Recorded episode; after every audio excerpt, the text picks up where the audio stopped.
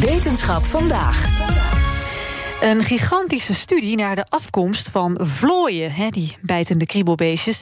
Die studie die heeft laten zien dat we ze al een tijd in het verkeerde lijstje van insecten hadden staan. Onze wetenschapsredacteur Carlijn Meinders vertelt meer over deze misdaad. Uh, er zijn ongeveer een miljoen insectensoorten. Twee derde van alle diersoorten is insect. Dat zijn er dus gigantisch veel. En omdat ze zo divers zijn, zijn ze ook altijd heel belangrijk geweest voor het vormen van evolutietheorieën. Heel veel vroege evolutiediscussies werden gevoerd op basis van kennis over insecten. Er wordt dus al heel lang onderzoek naar gedaan. En dan zou je denken, ja, dan weten we ook wel zo'n beetje alles wat je moet weten over de relatie tussen al die insectengroepen. Maar nee, natuurlijk niet. Nee, dan vergeten we de flow. Uh, de flow is natuurlijk überhaupt een bijzonder beestje. Vindt ook onderzoeker Erik Tihelka van de Universiteit van Bristol. They are parasites. They feed on blood. That means they have the weird sucking uh, mouth parts. They they jump. Their their bodies are flattened from left to right. Fleas are very unusual among all the other insects. Door die gekke combinatie hadden wetenschappers enorm veel moeite met het bepalen van de positie van de flow in de Tree of Life. En hoe is het ze dan alsnog gelukt? Ja, ze zijn uh, eens even goed gaan kijken naar de genen. Meer dan 1400 hebben ze onderzocht op zoek naar sporen van evolutie. Ze kregen hulp van flink wat wiskundige modellen daarna. En zo kwamen ze alle relaties op het spoor. Wat ze vonden verraste ook de onderzoekers zelf. And that's because we found out that the fleas are actually a group of scorpion flies. They technically fall into the scorpion flies.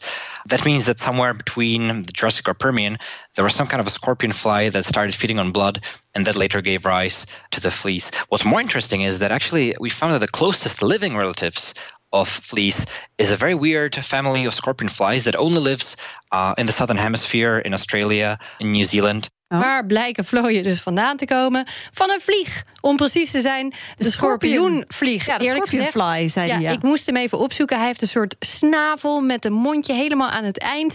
En een staart die dus lijkt op die van een schorpioen. Bijna een beetje een tekenfilmfiguurtje. Je moet hem even opzoeken. Ja, Ga ik doen, ja, ja. meteen. En de meest verwante schorpioenvlieg, zei hij al, die leeft nu ook nog gewoon onder andere in Australië en Nieuw-Zeeland. Ik heb hem hier voor me. Ik zie inderdaad een. Uh nou, het is nou best wel een schattig beestje. Schattig beestje? Ja, ik vind het best wel schattig. Nee joh, is zo'n vieze rode kont heeft hij. Een rode kont, ja, dat is een uitsteekseltje. Net als een schorpioen, hè, jongens. Wat een schorpioen. Een, beetje een baviaanachtig uh, rode kont. Ik weet niet wat uh, Iedereen Kees gaat nou het thuis gewoon even opzoeken... En, Ja. en vormt dan een eigen mening over hoe schattig dit diertje is. Goed idee. Hoe schattig ook. En ik wil wel even weten hoe een vlieg nou een flow wordt. Ja, dat is nog aardig mysterieus. Want sommige schorpioenvliegen eten een beetje rottende vegetatie hier, een beetje dode insecten daar. Die ene die heel erg verwant is aan de flow, die eet zelfs nectar. Maar het zijn allemaal geen parasieten. En van parasieten werd ook nog eens gedacht dat ze of als een roofdier beginnen, of dat de oorsprong in de buurt ligt, in ieder geval van de gastheer. Dus dat je dan in het nest leeft als parasiet en dan ooit overspringt op het dier zelf. Maar het kan dus ook anders, weten we nu. Een vriendelijk toetermondje kan ineens een soort gevaarlijk wapen worden. en daar is nog één ander geval van bekend. And that's actually the case of the uh, midges and the mosquitoes. That's another group of insects that fall within the flies.